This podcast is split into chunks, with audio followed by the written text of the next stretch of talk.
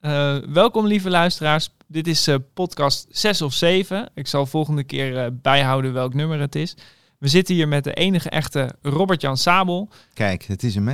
Dat is hem zeker. Ja. En die komt ons vertellen hoe je je doelgroep met content kunt gaan raken. Ja. Dus dat is waar deze podcast over gaat.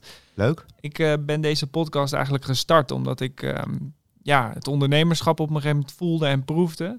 En vanuit het ondernemerschap kom ik in contact met hele bijzondere mensen. En ooit gaf ik een presentatie bij de SOR Optimisten in Beeldhoven. Ja. En daar was één bijzondere man.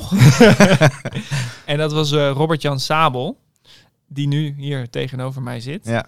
En uh, in mijn ogen inspirerende persoon, die vanaf dat moment Dankjewel. in mij durfde te geloven. Mm -hmm.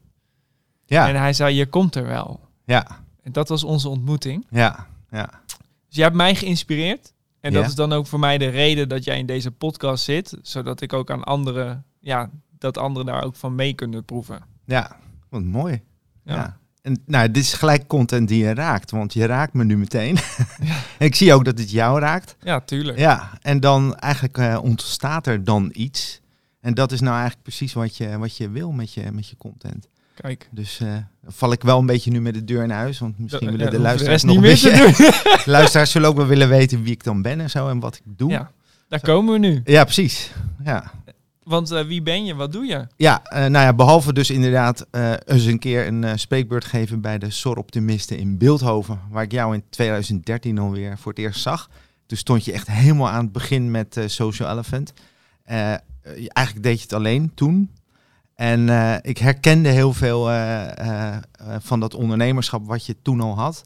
En als je kijkt naar wat je nu hebt neergezet met Social Elephant, dan ben ik absoluut niet verbaasd. Ik, ik had dat min of meer toen al wel verwacht.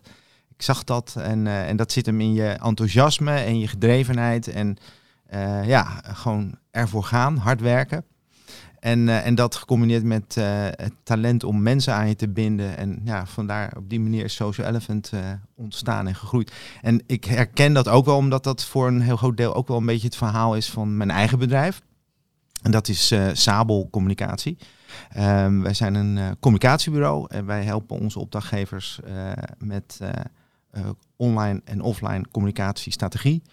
Die, die helpen we voor hun uh, uit te stippelen. En wat we vervolgens ook doen, is die strategie realiseren. En wat daarin het belangrijkste is, is storytelling en mhm. verder content creatie. Dus we zorgen er ook voor dat datgene wat je wil bereiken, gaan we je ook bij helpen om dat uh, neer te zetten. En dat doen we voor een heel breed scala aan uh, opdrachtgevers. Dat gaat van Rijkswaterstaat, dat is onze grootste klant, naar UWV, Politie Nederland is een grote opdrachtgever. Maar ook commerciële partijen zoals uh, de importeur van Toyota en Lexus. Uh, en we werken bijvoorbeeld voor Vodafone Ziggo. Dat zijn zo een paar namen die ik uh, ja. even Grote partijen. Ja, ja, ja. Ja, we doen ietsje minder MKB. Komt ook wel bij ons aankloppen. Uh, maar over het algemeen zijn het eerder grotere corporates en, en, en, um, en ja, overheid, semi-overheid, ja. dat soort opdrachtgevers.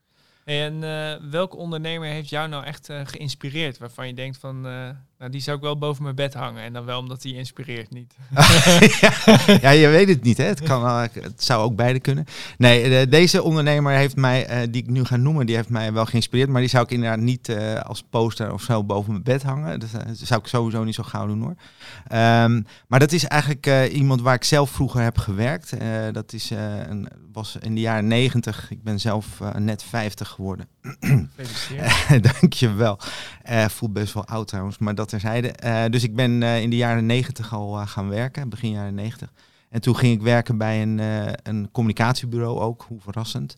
En dat was in de jaren negentig een hele snelle groeier. En het bureau heette Bikker Communicatie.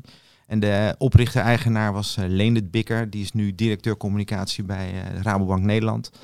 En, um, is uh, Bikker gegaan? ja, much bigger. en um, nou, uh, Leendert is een, een en zeker in die tijd bracht hij het ook in praktijk, een echte ondernemer, een rasondernemer. en onbewust, zeg maar, heeft hij mij geïnspireerd. Dus door daar in dat bedrijf rond te lopen en te werken en mee te werken aan de groei van dat bedrijf, is in mij ook een soort ondernemerschap wakker geworden. En dat heb ik vanaf 1997 mij was jij toen nog geen eens geboren. Maar uh, oké, net aan.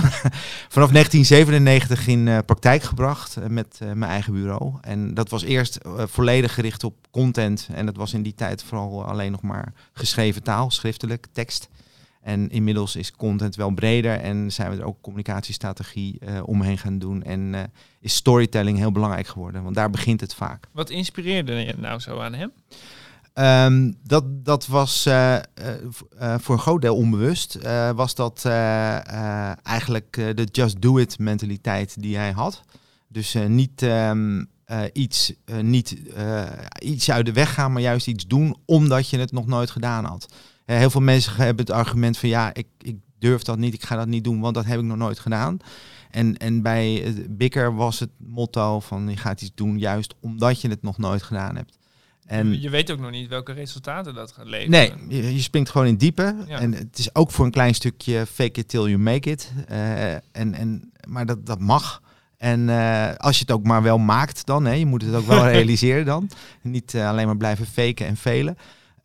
en en nou, de, eigenlijk die, die mentaliteit van just do it, gewoon ervoor gaan en learning on the job. En ja, die zie je bij mijn eigen bedrijf Sabel Communicatie ook gewoon volledig terug. En, Daar hebben veel mensen wel last van, hè? Dat uh, het durven inslaan van een pad wat, waarvan ze nog niet weten of het gaat werken. En dan, uh, dan ja. kiezen ook in de communicatie van ja, maar dit, dit heeft al gewerkt. Dus misschien moeten die campagne maar weer hetzelfde doen als vorig jaar. Ja.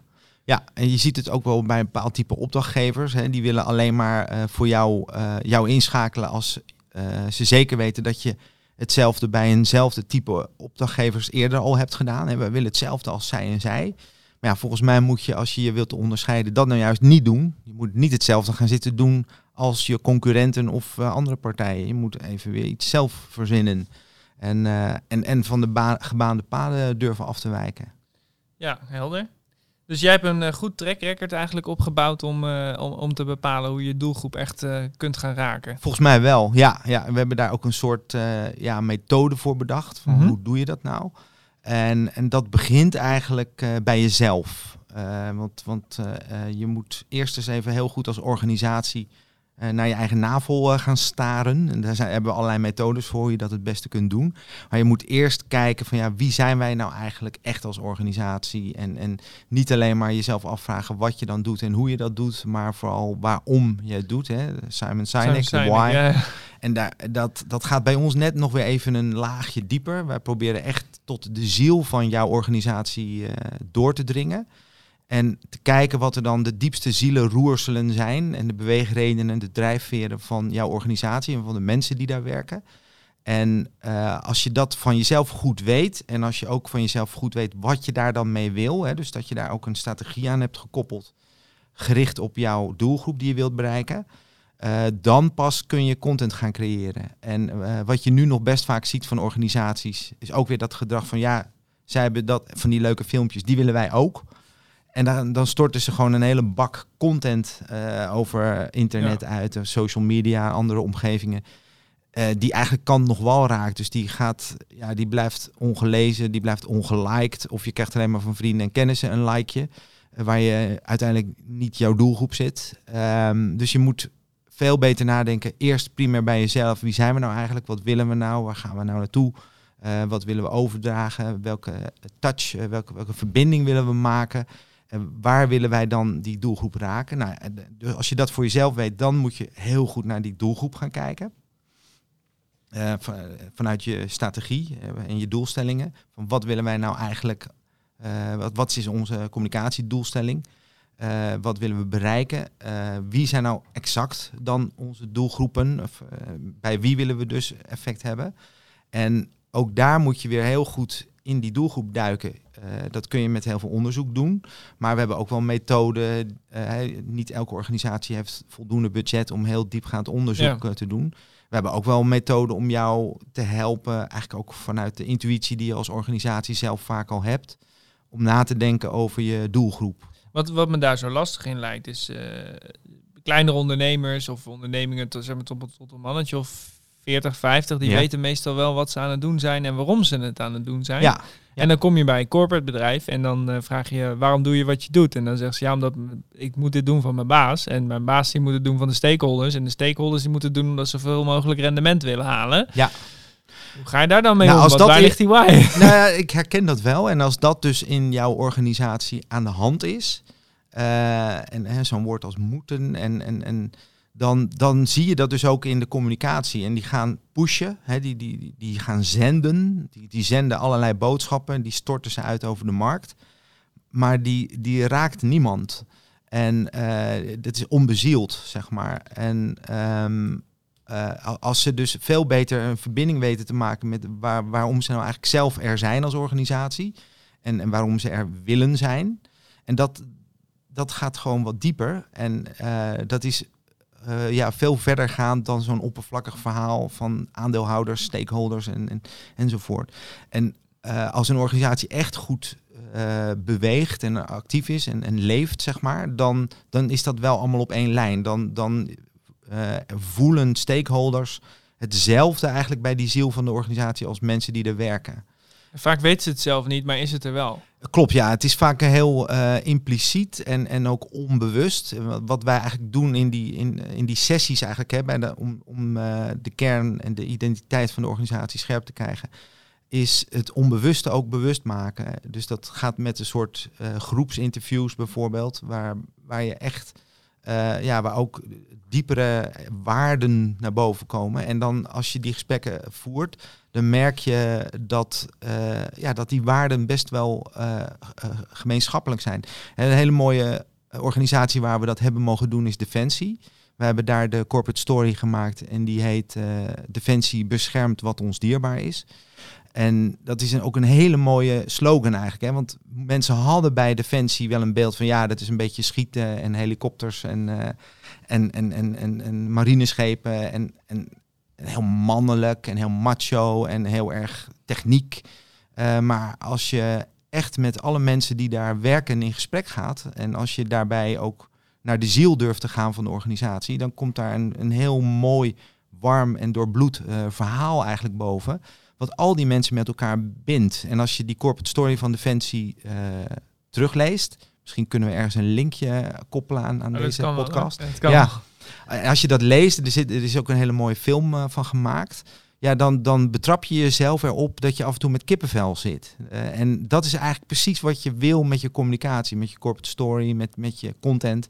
Dat je dus, want wat er dan gebeurt als iemand kippenvel krijgt, of, of, of een traan, of enkele tranen, dan merk je dat je zit waar je wil zijn. Dan ga je echt van ziel tot ziel, ga je eigenlijk communiceren als organisatie. Wat, wat ik daarin lastig in- vind, eh, wat ik dan zelf tegen ben gekomen, is dat organisaties, eh, en zeker als het groter wordt nog meer, eh, het makkelijker vinden om drie ton aan banners in te kopen, die ze dan Ja. mooi de markt in kunnen spuwen, Ja. dan het echte verhaal vertellen. Want er komt energie bij, Ja. er komt persoonlijkheid bij, er komt passie bij, er komt blootgeven wie jij echt bent als persoon. Klopt. En uiteindelijk werken we allemaal met mensen, dus is het ook nog mensenbusiness. Ja. En dan heb ik meegemaakt dat mensen zich wel willen verschuilen daarvoor. Ja. Nee, die, eh, wa- wat ik, het voorbeeld wat ik nu van Defensie eh, net geef, dat vraagt ook heel veel moed van de organisatie. Dus je merkt dan ook dat daar opdrachtgevers zitten die echt lef hebben en die ook snappen waar het om draait. En die dus ook zich volledig kwetsbaar durven op te stellen en zich helemaal bloot durven te geven. En die dat dus ook toestaan binnen de organisatie. En daarmee zet je een cultuur. En dat is ook heel erg de cu- cultuur van Defensie. Die is eigenlijk juist dus heel kwetsbaar. eh, intern. Hè? Dus mensen mogen daar zijn wie ze willen zijn. En, en, ehm, en dat wordt dus van bovenaf gedragen. En wordt dat ook uitgestaald binnen Defensie. En ehm, eh, dat soort eh, leiderschap vraagt het wel. Dus je moet ook als organisatie, en dat- moet geborgd zijn in de top van de organisatie, een bepaalde vorm van leiderschap eh, durven tonen waarbij, in, waarbij kwetsbaarheid is toegestaan.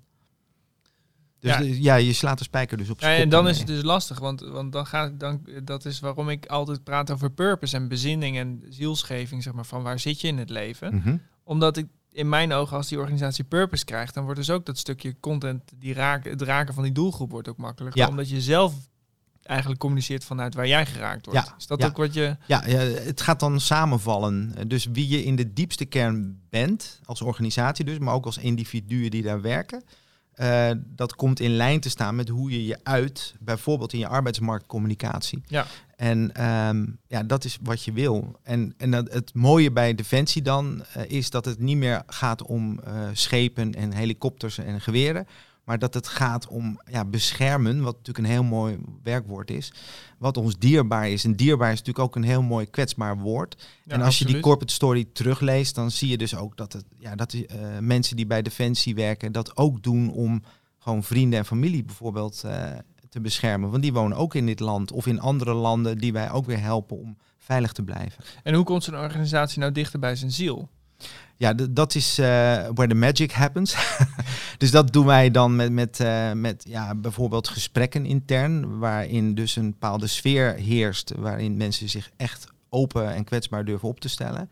En eh, dan verhalen vertellen. En dan komen eigenlijk al die individuele verhalen die zo gedeeld worden in die groepsgesprekken, die komen eh, eh, op tafel. En dan ontdek je op een gegeven moment de, de gemeenschappelijke deler daarin, dus de rode lijn. En eh, dat komt dan terug in zo'n corporate story. Maar zou je dan niet gewoon met je personeel naar een kampvuur toe moeten een weekend en met z'n allen gewoon een, gewoon een mooi bedrijfsfeest organiseren en dan over die ziel praten in, in plaats van in je gebaande paden in de huidige ruimte? Of, of... Ja, dat is natuurlijk nog mooier. ja. maar nou moet ik wel zeggen, bij Defensie eh, zijn natuurlijk heel veel omgevingen die sowieso toch al tot de verbeelding Ja, dat- spreken. Dat snap ik. Maar een gemiddelde verzekeraar bijvoorbeeld, die zit toch in een wat dagelijkser omgeving hè, van een gewoon kantoorpand. Eh, maar zelfs in zo'n alledaagse setting, van gewoon onder de TL-balken en eh, eh, tussen de betonnen muren, kun je dit soort gesprekken voeren. Bijzonder. Absoluut. Ja, ja. Ik, ik heb een keer een woningcorporatie, heb ik het MT mee mogen nemen naar een joert. Toen ja. hebben we midden in de natuur gezeten. cool. En wat, ik, wat mij wel opviel is dat toen, de, toen ze in de joert aankwamen, en het was wel een bijzondere dag, want het zonnetje scheen en ja, we waren daar, mijn vriendin Anne, die was ook, die ging helpen met koken en die is sowieso heel liefdevol. En dus er ontstond een hele liefdevolle sfeer. En Ja. wat je zag is dat iedereen zijn zakelijke soort van eh façade eigenlijk Ja, even ja. afdeed. En Ja. dat we echt in contact kwamen met de mens. En dat ze gewoon vanuit hun hart gingen spreken in plaats van vanuit de functie in het bedrijf waar ze nu zaten. Ja. En dat vind ik dan toch wel lastig als ik dit dan zo hoor. Wil ik je toch een beetje challengen. Want die, daar zit iets. Want daar zit volgens mij iets dat mensen lopen in zo'n zakelijk keurslijf. Maar dan gaan ze dus eigenlijk alleen maar impact maken in mijn ogen. Als ze dat, als ze dat even afdoen en gewoon weer mens zijn. Ja, ja. ja, het verschilt. Ja, Defensie lopen mensen. ver, hoor, Bij Defensie lopen mensen letterlijk in een uniform. Ja, maar, absoluut. eh, eh, in het bedrijfsleven zie je mensen ook vaak in een uniform lopen. Ja. En, en het, eh, het kan denk ik zeker wel helpen om een andere context op te zoeken waar je even dat uniform eh, aflegt. Ehm, maar nogmaals, ook gewoon binnen de alledaagse omgeving waar je in pak eventueel loopt, eh, kun je naar de ziel zeg maar, van jezelf en van de organisatie. En, ehm, eh, en, en kun je, eh, lukt het ons om zo'n sfeer te creëren? En, Ja. en wat zit er in die ziel? Is dat dan uiteindelijk helpen van mensen? Of waar, wat voor content kun je dan maken daar vandaan? Ehm, bij Defensie of in het Ja, algemeen? bijvoorbeeld. Nou ja, de- bij Defensie is helpen inderdaad wel een, een heel eh belangrijk. dus Defensie helpt ook in andere landen om veiligheid te creëren en stabiliteit. En, en dat is een diepere drijfveer, zorgen dat we in een veilige, stabiele samenleving eh, eh, leven waar mensen zichzelf Ja. kunnen zijn en waar mensen in vrijheid zijn. Ze hebben dan wel meerdere stakeholders. Dus dan heb je bijvoorbeeld ook gewoon de Nederlandse burger. Daar willen ze natuurlijk ook een bepaalde indruk op hebben. Absoluut, ja. ja. Want het draagvlak van Defensie, eh, ja, als je naar de afgelopen decennia kijkt, hè, ik ben zelf een kind van de jaren tachtig. Nou, toen was zo'n beetje de hele samenleving tegen Defensie en eh, waren de grote demonstraties tegen het leger. Ehm, nou, als je kijkt waar het leger nu staat in onze samenleving, dan hebben ze veel meer goodwill en, en snapt veel, iedereen echt wel wat het belang is van een goede defensie. En dat komt mede door, door dit soort, eh, deze manier van communiceren Want- want, en verhalen vertellen. ja, mijn beeld bij het leger is dat het echt broeders zijn en dat ze onderling een heel echte, echte band hebben. Ja. Zijn dat dan dingen die je dan in content gaat uiten naar die doelgroep? Of hoe zie je dat dan? eh? ja, broeders en zusters, hè, want er werken ook Oh, heel ja, veel ja, vrouwen in het leger eh, klopt, en ja. bij Defensie. Ehm, nou, de- de- dat is zeker wel een aspect. Die, die, die, die eh, collegialiteit en, en die ja, het, eh, op elkaar letten hè, en elkaar eh, in de gaten houden Mhm. en, en beschermen. Eh, maar er zijn veel meer. Ja, ik heb hem niet helemaal paraat hoor, de corporate story van Defensie. Maar het komt daar wel allemaal in terug. Ja. En, en hoe kom je dan tot content? Nou ja, dan heb je dus, dat is een goede vraag, want het begint dus eigenlijk dan met die corporate story en die hebben we dan gemaakt en van daaruit heb je hele goede uitvalsbasis eh, om content te creëren. Dus je hebt het, het kernverhaal heb je klaar en alles wat er vervolgens aan content gemaakt moet worden, of dat nou voor een arbeidsmarktcampagne is of voor een speech van de minister van Defensie. Eh, je kunt voor al dat soort uitingen putten uit, eh, uit de corporate story. En ik vind het nog steeds heel mooi als ik de minister van Defensie in haar speech letterlijk zinnen uit de corporate story hoor gebruiken. En als ik op heel veel plekken die slogan Defensie beschermt wat ons dierbaar is, terug eh, of terug zie of terug hoor. Ja, dat is dan een hele mooie manier van, eh, van je content eh, gaan creëren. En dat kan dus op allerlei manieren. Social media worden daar uiteraard bij gebruikt. En ja, afhankelijk dus van de doelgroep die je wil gebruiken en het doel. Ja, wat mij komt dagen is dan eh, eh, marketing is herkenbaarheid. En Mhm. eigenlijk door dan die corporate story dan compleet in alles door te voeren, is er ook een stukje herkenbaarheid dat mensen ook snappen, oh, dat, dat is wie jij bent. Ja, absoluut. Ja, ja, Interessant. ja, ja. En Dus, eh, ehm, als mensen dan content moeten gaan maken, want er luisteren ook veel freelancers en zo. Je Ja. weet heel veel over tekstcontent. Luister goed. ja. Hoe, hoe, hoe zie jij die verschuiving in de markt? Wat gaat er gebeuren met content en tekst en eh, video? Want je hoort dan eh, mensen zeggen, ja, video is de toekomst. En eh, Absoluut. Ja, ja, dat Ja. is... eh, ja, ja. ja. wij- Als je kijkt naar wat wij als bureau doen, dan is video een enorm groot eh, aandeel in alle producties die we maken. En, en eh, tekst ook nog steeds. Want dat blijft toch nog steeds een van de meest effectieve informatieoverbrengers.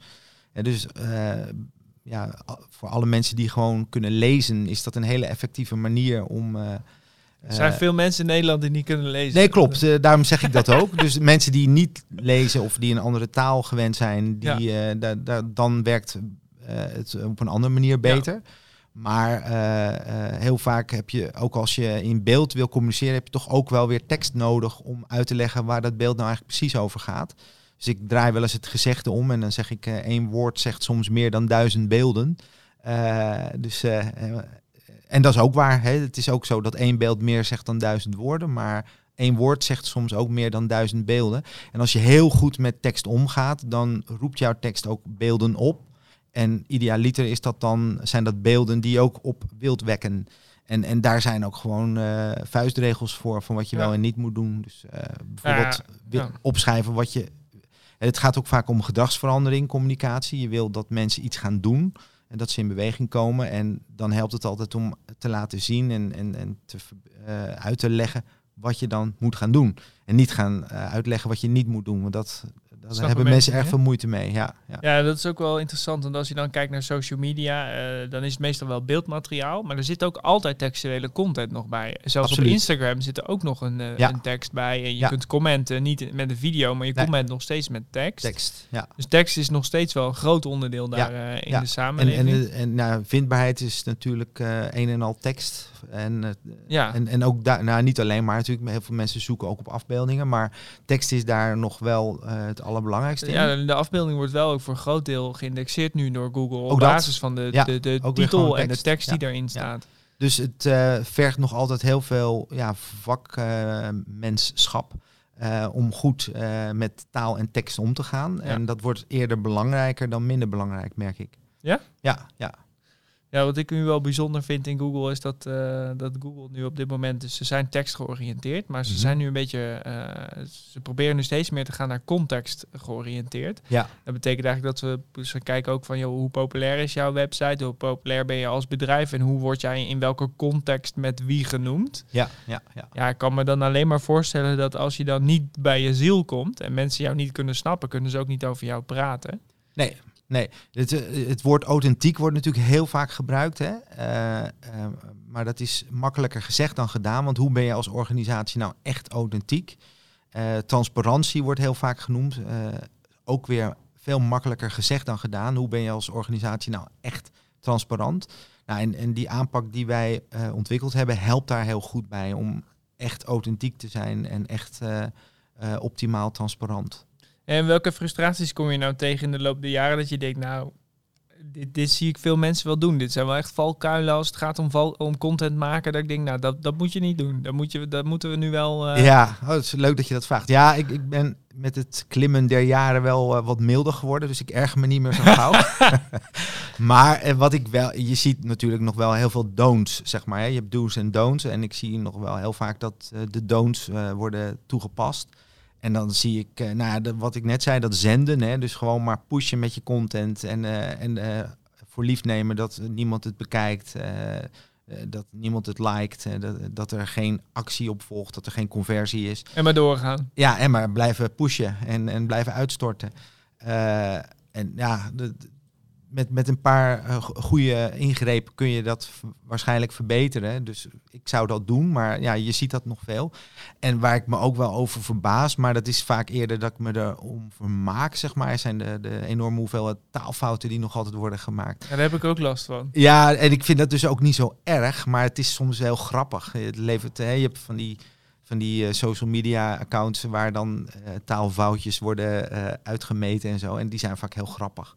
Dus, en dat is, ja, is gewoon ook, ik vermaak me daar wel mee. En wat heb je nog meer eh, gezien eh, waarvan je denkt, nou, dat, dat, dat kan echt niet?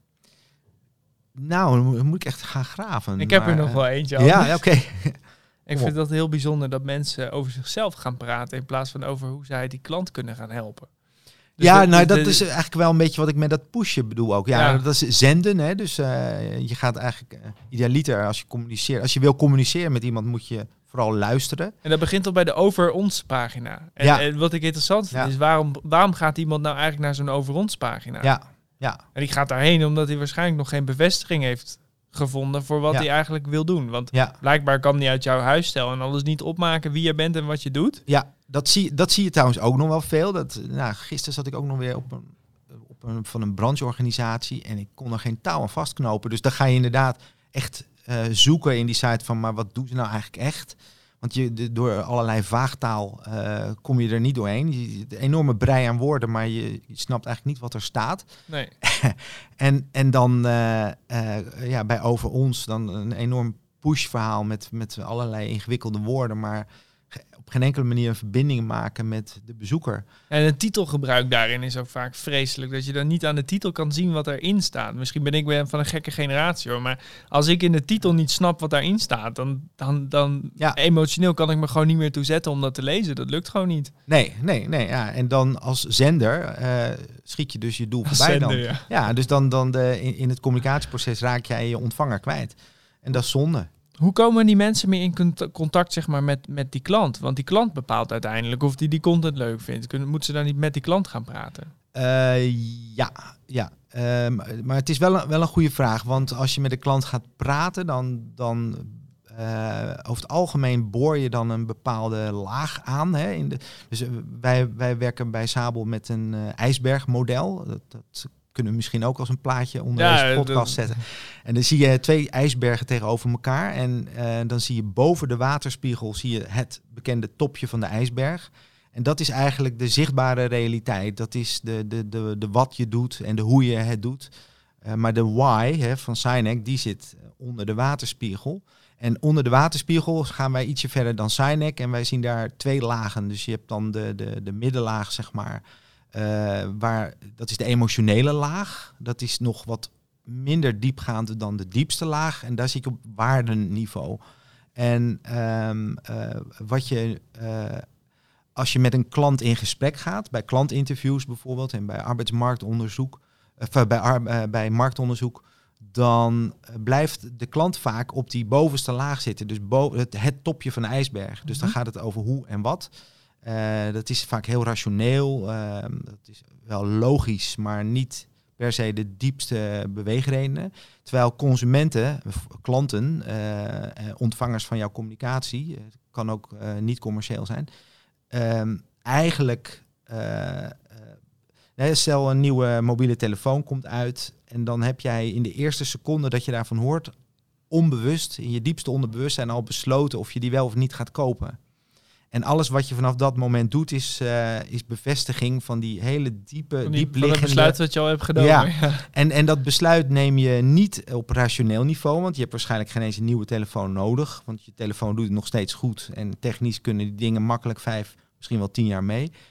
Eh, je neemt op heel andere gronden, eh, beweegredenen, eh, drijfveren, de het besluit om die nieuwe telefoon te, te kopen. En dat voelt ook niet als een besluit. Dat, dat is misschien zelfs eerder nog iets waar je tegen verzet. Dus dat gaat dieper ook dan die tweede laag, hè, die emotionele laag, daar wa- waar het gaat om dingen die je stimuleren of een beetje tegenhouden. Het gaat uiteindelijk om de diepste laag. En je ziet dus dat mensen zoiets praktisch als een mobiele telefoon op, op waardenniveau, dus op hun diepste zielenniveau eigenlijk kopen. En dan kiezen ze bijvoorbeeld per se voor een iPhone, omdat dat is voor hun bijna religieus. Dat is een diepe waarde om, om dan met, met een Apple eh, jezelf te identificeren. Eh, maar dat is heel abstract. En als je iemand in een klantenonderzoek eh, of een panel daarnaar gaat vragen, dan zal die nooit op die diepste drijfveren, eh, of althans niet zo snel Nee. op die diepste laag uitkomen van die ijsberg. En, en ja, daar moet je dus andere dingen uit de kast halen om op die diepere laag te komen. Dus waar die echt op beweegt. Ja, en dat is ook voor een deel analyseren. Dus ook gewoon kijken van, van ja, hoe beweegt een consument of een klant of een ontvanger van jouw boodschap zich nou. Dus heel veel data-analyse ook. Dus wij zijn bij Sabel ook een heel groot voorstander van eh, data-driven communicatie. En alles wat je aan data kunt vergaren en effectief kunt analyseren, zeker doen en gebruiken. En eh, nou, op zo'n manier kom je dus eerder ja, echt bij de ziel van jouw ontvanger of jouw klant. Waar je mee zit en waar Ja, je op... eh, ja, ja. Zijn er nog andere methodieken door die ik zou kunnen toepassen als ondernemer? Wij doen veel data dan met, met, uit Google analyseren. En dan kan ik wel zien welke onderwerpen mensen zoeken. En wat ik Ja. ook vaak zie, bijvoorbeeld eh, heel veel recruiters die zeggen... ja, wij zijn een heel bijzonder recruitmentbureau... want wij kijken echt naar de persoon. Dus wij bieden geen vacatures aan. En de hele markt zoekt naar vacatures. Dus het is heel raar om dat niet te doen. Ja. Nou, eh, wat eh, jij als ondernemer, eh, ik ken jou natuurlijk, maar Ja. ik- in dit geval specifiek, maar ook in het algemeen denk ik bij ondernemers, wat je goed kunt doen is toch heel goed blijven luisteren naar je intuïtie. Want wat ook wel vaak zo is, is dat data en analyses, dat dat ook een bevestiging is eigenlijk van je, van je intuïtie. En ja, laat die intuïtie ook niet los. En, en ook in een bedrijf zit ook vaak een soort collectieve intuïtie. En ook die kun je weer blootleggen. Dat doe je bijvoorbeeld ook als je naar, naar je klantgroep kijkt bij het ontwikkelen van persona's. Dat doen wij Ja, als, ja, als ja. Sabel eh, ook veel met onze opdrachtgevers. Eh, wat je eigenlijk in, zo'n, in die sessies doet, is het collectieve bewustzijn, eh, onderbewustzijn blootleggen. En dus de, ja, de gezamenlijke intuïtie. En blijf daar ook op vertrouwen. En zeker ondernemers hebben over het algemeen een zeer goede intuïtie. Maar dan zou het ook leuk zijn, kijk, als het gaat om intuïtie, wat ik wel vaak zie is bij hoe, hoe groter de organisatie wordt, is hoe meer de, eigenlijk de marketingmanager bijvoorbeeld geen contact meer heeft met de klant. Maar hoe kan hij dan op intuïtieniveau inhaken op die klant? Dan lijkt het mij logischer om dan de mensen die ook echt daadwerkelijk met het klant dat je wil bereiken, die persoon, die daarbij te betrekken. Absoluut. Ja. Dus dan betrek je de mensen van het callcenter om... Zou de- ik zeker doen. Ja, ja. Eh, Dat zie ik niet veel gebeuren. Nee, en, en de, maar dat is een gemiste Want kans. ik ben de marketingmanager, ja. Ja. Nee, wij, eh, eh, wij werken ook, ook veel in overheidsomgevingen en eh, non-profit. En de mensen uit het veld, die, die halen we er zeker bij. Dus de mensen met het uiteindelijke contact met de eindklant, die hebben vaak een, een, een, een haarfijne intuïtie als het gaat om wat klanten wel of niet willen. En, eh, en die moet je zeker erbij halen. Als, als wij een persona ontwikkelen, dan halen we daar het liefst mensen van alle lagen uit de organisatie halen we daarbij. Eh, halen we ook graag onderzoekers bij. En die nemen dan ook hele stapels rapporten mee. Ehm, en idealiter blijven die rapporten dan dicht, hè, die onderzoeksverslagen. Eh, maar noemen ze dingen uit die rapporten die gewoon ja, verbonden inmiddels zijn met hun intuïtie. En die ze gewoon zo uit het hart kunnen noemen, zeg maar.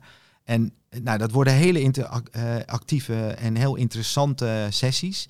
En wat we daar soms ook wel eens bij doen om het eh, te checken of het wel klopt. Hè? Dus we gaan bijvoorbeeld persona's ontwikkelen voor, voor een nieuwe strategie. Dan delen we de groep die daarover gaat nadenken, die delen we in tweeën. En die scheiden we fysiek van elkaar. Oh, en die gaan vet. tegelijkertijd dan dezelfde persona's ontwikkelen. Dan komen ze met hetzelfde terug. En dan vervolgens en dan is dat 9 van de 10 keer is dat wel zo'n beetje helemaal hetzelfde. En dat is juist goed. Ja. Dat bewijs je ook gelijk van... eh, Ja, en dan heb je al de eerste toets te pakken. En, dan, Ja. dan, en ik vind dat toch elke keer als dat gebeurt weer fascinerend. Want dan zie je toch hoe dat collectieve onderbewustzijn, hoe dat werkt. En, eh, en, en ja, dat is prachtig om te zien. en als het niet klopt, heb je een nieuwe consultancyklus erbij. Eh, ja, da- ja, dan moet je zeker. We hebben dat overigens nog nooit meegemaakt. Maar dan moet je wel gaan kijken van, joh, wat is hier gebeurd en wat is hier aan de hand. Maar, maar nogmaals, dat heb ik nog nooit meegemaakt. Ik heb wel eens gehad dat een organisatie zo eh, rationeel was dat ze niet durfde te vertrouwen op deze intuïtie. En toen hebben ze dus alles wat uit die persona-sessies kwam, hebben ze ehm, eh, nog weer eens in handen gegeven van een onderzoeksinstituut. En die hebben dat nog helemaal nageplozen en wetenschappelijk eh, onderzocht. En dat was vervolgens alleen maar bevestiging voor datgene wat we in die persona-sessies al eh, hadden ontdekt eigenlijk. Het is eigenlijk een soort ontdekken. Je haalt allerlei lagen af en je komt bij de kern van de zaak en je ontdekt met elkaar dat het daar precies om gaat. Ja. En daar heb je best wel snel overeenstemming over met elkaar.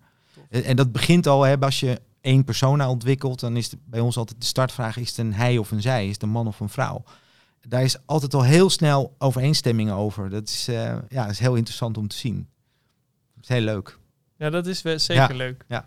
Nou, wat ik wel heel mooi vind van eh, deze podcast is dat, eh, dat het eigenlijk ook heel veel gaat over het intuïtieniveau van de mensen in de Stiekem organisatie. wel, ja. En over het spirituele. Ja, spiritueel noem ik het. Maar goed, laten we Ja. het bij intuïtie houden. Maar ik, ik blijf wel een heel groot voorstander van data hoor. Dus Ik Maar dus je moet mengen. dus, want je moet data interpreteren met intuïtie. Want anders Dus dan... gebruik absoluut alle data die er zijn. Zeker ook voor de verfijning en eh, eh, dat soort. eh, als het echt op de millimeter aankomt. Maar verlies je intuïtie niet uit het hoofd, eh, uit het oog. En ehm, eh, ja, maak eigenlijk, nou, ik, ik zeg nu hoofd, maar maak inderdaad verbinding tussen hoofd, eh, hart en, en buik. Ja. Zeg maar. Ja, dat is mooi. Dat is niet zweverig, want dat is misschien. ja, het zou mensen ook bang voor kunnen zijn. van, Ja, Nou, maar we gaan niet, geen zweefsessies doen. Maar als dus een heel rationele organisatie als Defensie het ook aandurft om, om, om ja, naar de ziel te kijken van de organisatie, dan moet elke andere organisatie en onderneming dat ook durven, wat mij betreft. Ja, in mijn ogen ook. Ik vond het een hele mooie podcast. Ik heb ook mooie, leuk. mooie dingen meegemaakt. gutst het van de regen buiten Ja, hier. dat Dat gaat is ook goed mooi los. om te zien. Ik heb nog wel een verrassende vraag voor je hoor. Ja. Wat is nou echt een, eh, een fout als ondernemer waar we even van kunnen smullen? Dat je denkt, nou, dat eh, had ik beter niet zo aan kunnen pakken. Van mijzelf. Ja, Of, eh, van jou. Nou, dat is, gaat ook weer over die intuïtie. Eh, ik, Oh jee. Ik ben, er- ik, nou ja, ik ben er, eh, ik ben wel eh, wat dat betreft door schade en schande eh, wijs geworden. En heb eh, wel een paar keer echt eh, blunders eh, begaan als ondernemer. Eh, en terwijl ik mijn intuïtie al voor twijfel zorgde. En dan is het motto altijd bij twijfel eh, niet doen. En dan ging ik het toch doen. En dan ging ik wel de rationele argumenten erbij zoeken om, eh, om mijn intuïtie te over, over, overstemmen. En dat is ook wel waar mensen over het algemeen heel goed in zijn. Hè? Van eh, laat lekker die hersenen maar draaien en dan kun je je gevoel wel een beetje wegduwen. Maar als je intuïtie iets wil eh, laten weten aan je, luister daarnaar. En ik, daarom is dat misschien ook wel iets waar ik elke keer nu in deze podcast op terugkom. Ik heb daar in het verleden wel te grote fouten mee gemaakt. En, en dat gaat dan over het vertrouwen, eh, want ja, wil je natuurlijk weten van hoe, hoe dan. En je, kunt als je kunt als ondernemer grote fouten maken. ehm, en en eh, heel vaak gaat dat over vertrouwen. En wie kun je nou wel vertrouwen en wie niet. Helaas eh, leven er, in, jij weet het ook, in de samenleving heel veel mensen die je eigenlijk niet zou kunnen vertrouwen, die je niet kunt vertrouwen. En je intuïtie voelt dat soms al aan. En ik, ik weet nu beter hoe ik daar op mijn intuïtie kan vertrouwen. Nou, mooi. Mooi om mee af te sluiten. Ik wil je nog, eh, nogmaals even, nu toch iedereen luistert, bedanken dat je mij eh, ja, in dit ondernemende pad hebt gezet. Ik vergeet nooit meer dat ik jou een keer opbelde en zei, Robert, we groeien, we groeien. En, en wat moet ik doen? Zou ik nu stoppen en consolideren of doorgroeien? En jij zei, daar hoef je niet over na te denken. Doorgroeien, gaan. Ja, En heel vaak kom ik terug op dat punt en dan denk ik, ja, eh, we groeien weer. Moeten we stoppen of doorgroeien? En dan moet ik altijd denken aan Ja. dat moment dat ik jou belde en dat je zei, gewoon doorgaan. ja Ja, het is ook eh, als je kind. Ik heb zelf geen kinderen, maar als je kinderen hebt en, en jouw uh, kind wordt puber en die begint heel, ineens heel hard te groeien, ja, moet je doorgroeien of moet je stoppen met groeien? Het gaat ja, een onderneming is een organisme ook wel. En ja, als er blijkbaar zoveel energie in zit dat het groeit, uh, vooral blijft groeien. En, maar het, het moet niet een moeten worden, het moet niet een heilig doel worden. Maar als je vanzelf tussen aanstekens groeit, ja, uh, lekker blijven groeien. Zo hebben we dat ook gedaan bij Sabel. En op een gegeven moment uh, merkten we wel van ja, uh, die groei is nu niet meer wat voor ons nodig is. We zijn zelfs weer een beetje gekrompen daarna. En, en, en nu hebben we ja, daar een hele mooie omvang in bereikt. En ik denk dat we misschien nog wel een beetje doorgroeien als bureau, maar niet meer zo hard als vroeger. Dus dat is ook gewoon ja, hoe dat organisch gaat, zeg maar. Leuk. Ja. Leuk. Leuk man. Mensen, uh, dit was de podcast over hoe je je doelgroep echt kan raken met uh, content. En uh, mochten jullie vragen hebben aan Robert-Jan, laat het even hieronder weten. Nu live bellen. Helaas, dat niet live. Um, in, wij zullen reageren op de comments. En mocht je vragen hebben, kun je altijd even contact opnemen. Maar geef ook even feedback over wat je anders zou willen aan de podcast of noem maar op. Kijk, ik doe dit gewoon vanuit mijn hart. Ik heb ook geen idee wat ik aan het doen ben. Maar ik heb er wel veel plezier in. Dus ik hoop ook dat jij veel plezier hebt. Dankjewel. Top. Doch.